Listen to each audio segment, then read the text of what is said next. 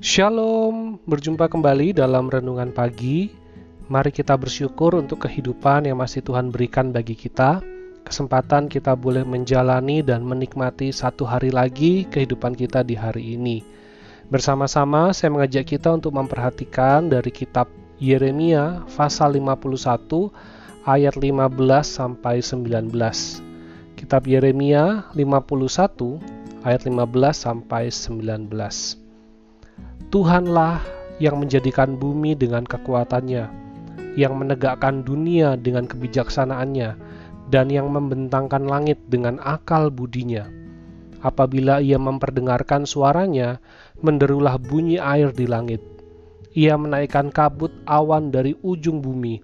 Ia membuat kilat serta dengan hujan, dan mengeluarkan angin dari perbendaharaannya. Setiap manusia ternyata bodoh, tidak berpengetahuan, dan setiap pandai emas akan menjadi malu karena patung buatannya, sebab patung tuangannya itu adalah tipu, tidak ada nyawa di dalamnya. Semuanya adalah kesia-siaan, pekerjaan yang menjadi buah ejekan, dan yang akan binasa pada waktu dihukum. Tidaklah begitu dia yang menjadi bagian Yakub, sebab dialah yang membentuk segala-galanya, dan Israel adalah suku miliknya. Namanya ialah Tuhan semesta alam. Kita ada di bagian penghujung dari kitab Yeremia. Firman Tuhan yang terakhir dalam kitab ini adalah mengenai Babel. Kerajaan paling kuat pada zamannya dan kerajaan Babel inilah yang menghancurkan kerajaan Yehuda dan menjadi alat di tangan Tuhan untuk menghukum umat Israel dengan pembuangan di Babel selama 70 tahun.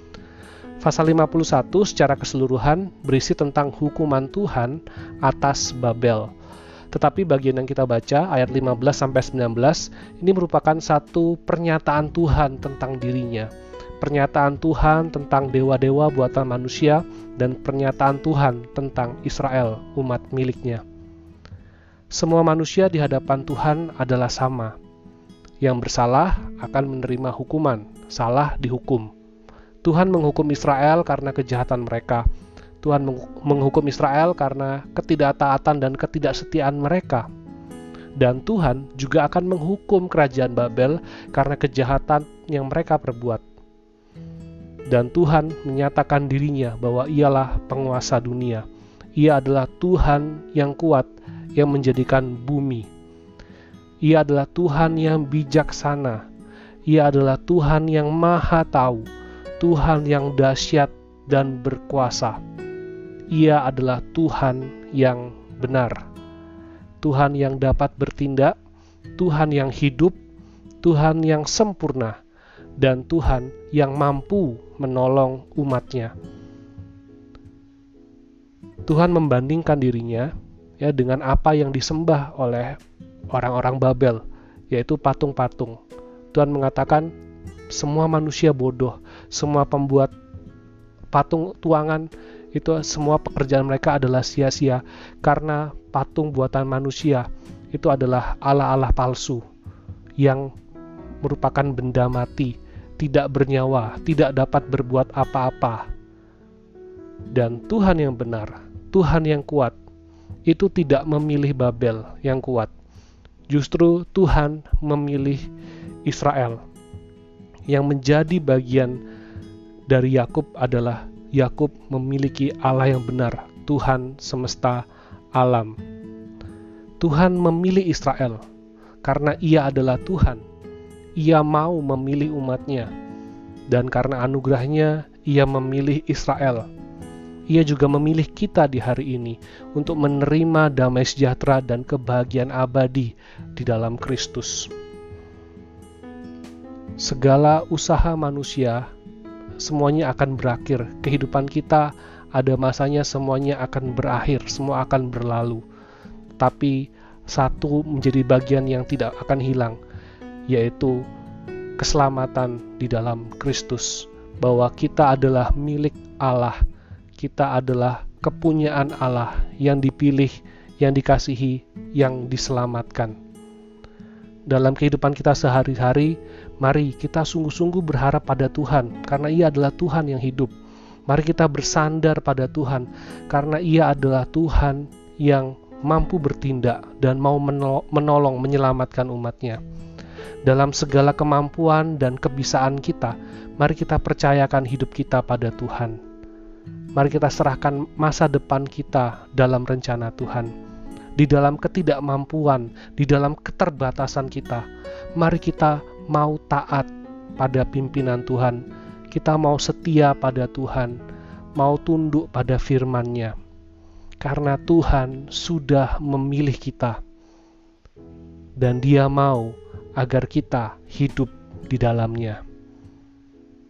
Mari kita syukuri akan anugerah ini, bukan karena kekuatan kita, bukan karena kehebatan kita, tetapi karena kasih Allah, karena Ia mau memilih kita, maka kita dapat menerima keselamatan daripadanya. Mari kita berdoa. Bapa di surga, kami bersyukur, berterima kasih boleh diingatkan kembali oleh kebenaran firman-Mu ya Tuhan. Engkaulah Allah yang Maha Kuasa, Engkaulah Allah yang berdaulat atas alam semesta.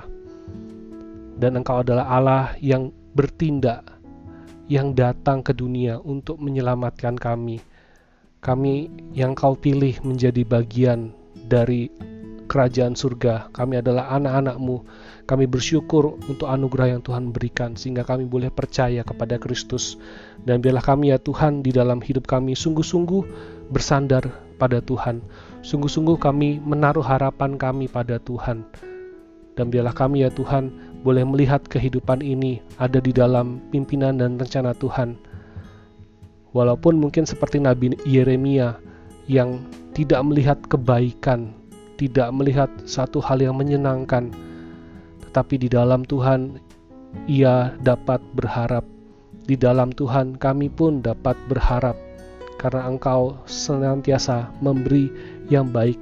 Engkau adalah Allah yang menyediakan yang baik bagi kami, dan Engkau tahu apa yang baik bagi kami. Terima kasih ya Tuhan, kami menyerahkan untuk kehidupan kami di sepanjang hari ini. Biarlah bimbingan kuasa dan pertolonganmu Tuhan memampukan kami boleh menjalani kehidupan kami dalam persoalan yang akan kami hadapi, dalam pergumulan-pergumulan yang ada. Biarlah hikmat Tuhan yang menolong kami untuk kami boleh mengambil langkah yang tepat sesuai dengan kehendakmu sebagai anak-anakmu. Terima kasih ya Tuhan, kami bersyukur di dalam nama Tuhan Yesus kami berdoa. Amin. Selamat pagi, selamat beraktivitas. Tuhan Yesus memberkati.